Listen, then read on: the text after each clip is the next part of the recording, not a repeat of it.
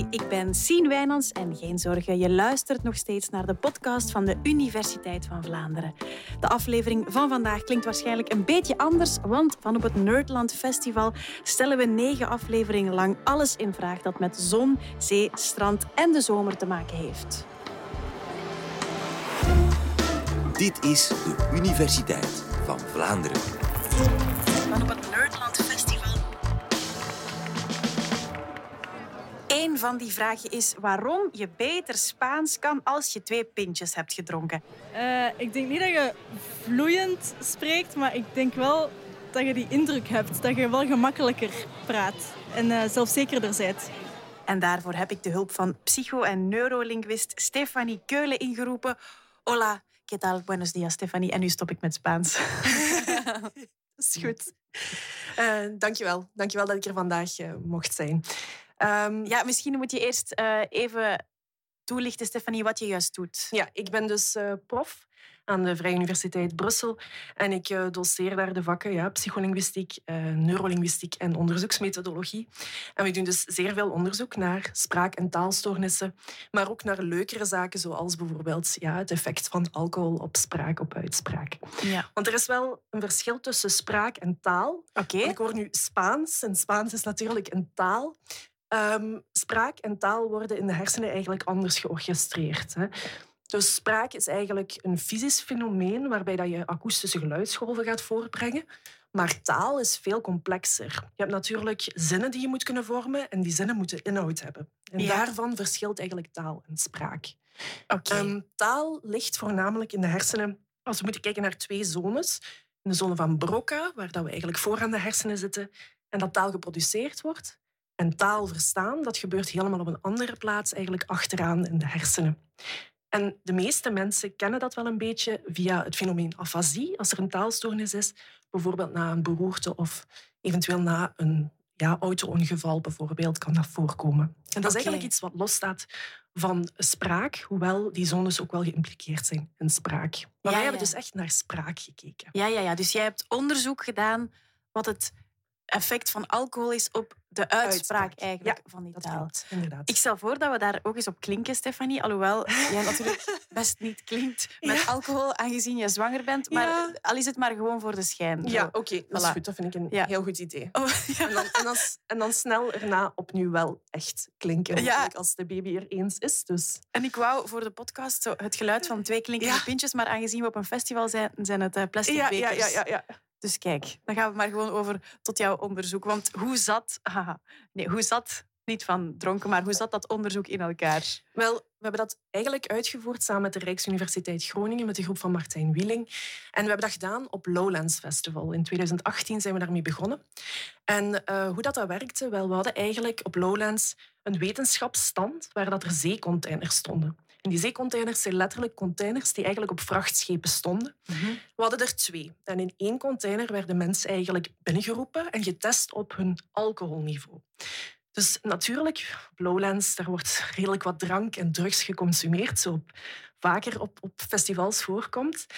En we hebben dan eigenlijk gekeken mensen die ehm, een alcoholniveau hadden onder de 0,8 promille. Ja, Wat dat het inhoudt, ja, dat is een beetje afhankelijk van persoon tot persoon. Ah ja, dat wou ik vragen. Ja. 0,8, hoeveel, Ja. hoeveel pintjes gaat dat Wel, dan? het hangt ook een beetje van gender af. Ehm, vrouwen bijvoorbeeld hebben wat minder pintjes nodig om tot bijvoorbeeld 0,5 te geraken. Dat kan fluctueren van 3 tot 5 pintjes. Mannen, daar kan dat starten vanaf 5 pintjes tot 10 pintjes en dan pas zitten die aan 0,5. Dus het is een beetje verschillend op basis van geslacht. Het hangt van persoon tot persoon af. Maar 0,8 is dan echt wel een aanzienlijke hoeveelheid Ja, ja, ja. alcohol die je hebt eh, over de ingenomen. 0,8 hebben we niet geïncludeerd, omwille van het feit dat mensen eigenlijk gewoon ja, echt heel lam zijn en gewoon zelfs niet meer kunnen reageren en niet meer kunnen deelnemen aan ons experiment, dan, omdat ze gewoon niet meer weten wat ze aan het doen zijn. Dus die hebben we geëxcludeerd. En die mensen die moesten dan eigenlijk, als we zagen dat ze wat alcohol geconsumeerd hebben of niet, eh, een aantal zinnetjes lezen. Eh, zinnetjes in het Nederlands, hun moedertaal, want we namen alleen maar moedertaalsprekers van het Nederlands in acht, of het Engels. Het Engels hebben we gekozen omdat in Nederland Engels ja, een heel frequent gebruikte taal is, maar ook in het onderwijs heel erg sterk aanwezig is. Dus we weten dat in Nederland Engels een, ja, een goed gesproken tweede taal is. En hebben daar opnames van gemaakt. En die opnames die werden dan eigenlijk via een computer doorgestuurd naar uh, de andere zeecontainer. En daar werden dan eigenlijk na een tijdje mensen binnengelaten die moesten luisteren naar een aantal van die opnames Mhm. in het Nederlands enkel en moesten aangeven van klinkt dit voor jullie begrijpelijk of niet? Is dit verstaanbaar of niet? Op een schaal van 1 tot 5.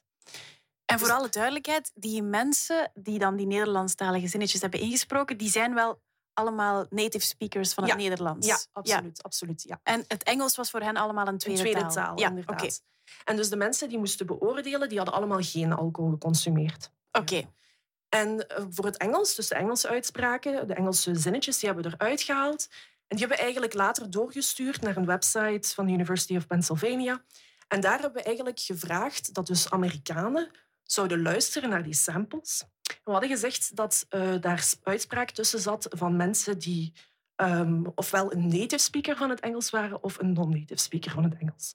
Maar eigenlijk waren het allemaal niet moedertaalsprekers van het Engels. Dat Ja, wisten ja. ze niet. Oké. En zij moesten aangeven of het accent voor hen op een schaal van 1 tot 5 overeenkwam met iemand die duidelijk geen moedertaalspreker van het Engels was of heel duidelijk wel een moedertaalspreker van het Engels. Stefanie, ik stel voor dat we anders eventjes naar zowel het Engelstalig als het Nederlandstalig Ja. fragment luisteren, dat we weten waarover het gaat. Oké, dit is het Engelstalig fragment. Please call Stella. Ask her to bring these things with her from the store six spoons of fresh snow peas, five thick slabs of blue cheese, and maybe a snack for her brother Bob. We also need a small plastic snake and a big toy frog for the kids. She can scoop these things into three red bags, and we will go meet her Wednesday at the train station. En dit is het Nederlandstalig fragment. Het was voorjaar en de zon scheen. Iepen waren in bloei. Water liep uit fonteinen, roeken vlogen rond en goudvissen, zo groot als dolfijnen, schoten door het glinsterende water.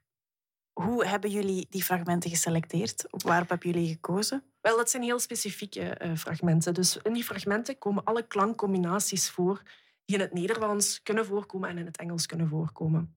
En omdat als je een klank uitspreekt, dan hangt eigenlijk de uitspraak erg samen met de klanken die er rond hangen. Ja, dat is echt een, wat we noemen een adjacency effect. Dus een klank wordt beïnvloed motorisch door je uitspraak van de vorige klank. En om die effecten mee te nemen, omdat niemand geïsoleerd klanken uitspreekt, hebben we die tekstjes gekozen omdat die eigenlijk heel vaak gebruikt worden in klankonderzoek. Ja, ja, ja. Dus daarom hebben we die gekozen. Oké, dus we zitten bij het onderzoek. De Nederlandstalige mensen hebben dat fragmentje ingesproken in hun moedertaal en ook in het Engels. Wat zijn de resultaten? Wel, de resultaten komen gedeeltelijk overeen met wat we al in de literatuur hebben gevonden, namelijk dat de moedertaal echt verslechtert onder invloed van alcohol. Dus we zagen duidelijk dat die mensen onder invloed van alcohol door Nederlandstalige sprekers werden beschouwd als zijnde minder verstaanbaar. Dat is logisch, dat hebben andere onderzoeken ook gevonden. Ja.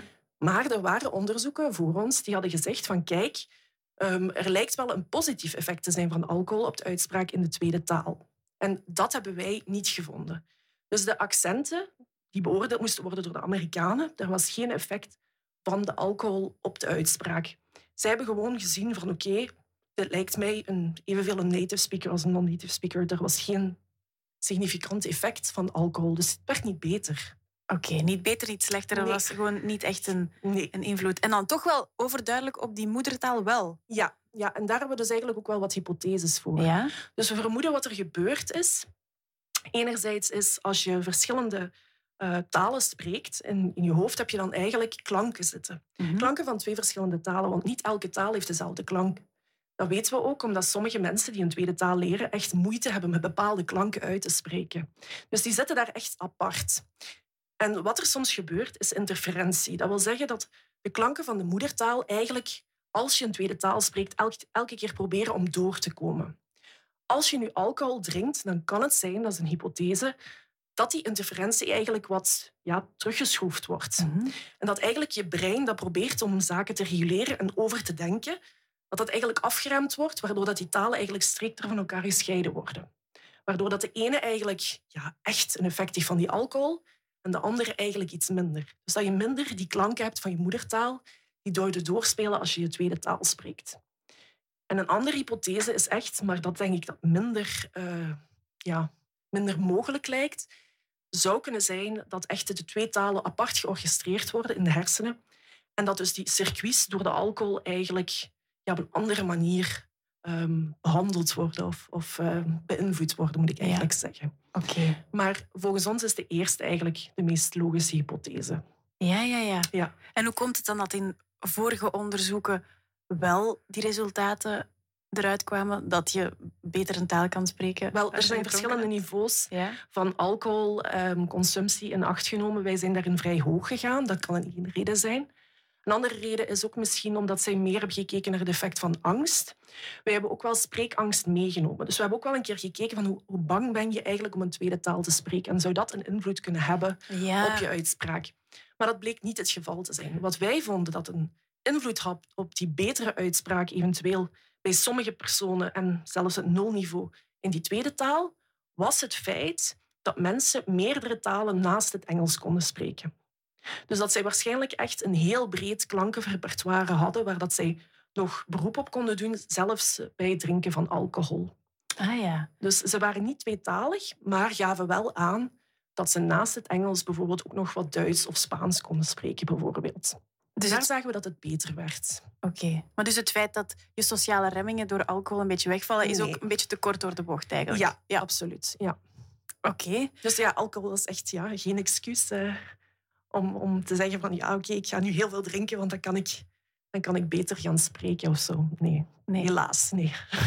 Maar jullie hebben eigenlijk wel telkens heel erg zatte mensen getest. Ja, ja, Ja. en eh, ja, 0,8 is onze, Ja. is onze grens, maar dat was echt wel eh, ja, al, al zeer zat. Ehm, wat ook wel heel erg opvallend was, was dat mensen zeer open communiceerden over het feit of ze drugs eh, geconsumeerd hadden of niet.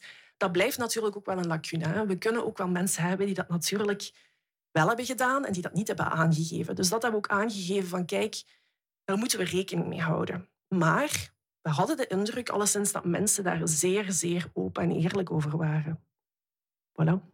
Interessant, dankjewel Stefanie. Heel erg wijze les. En eh, vooral onthouden dus alcohol, of te veel alcohol, Ja, is te nooit veel. een goed idee.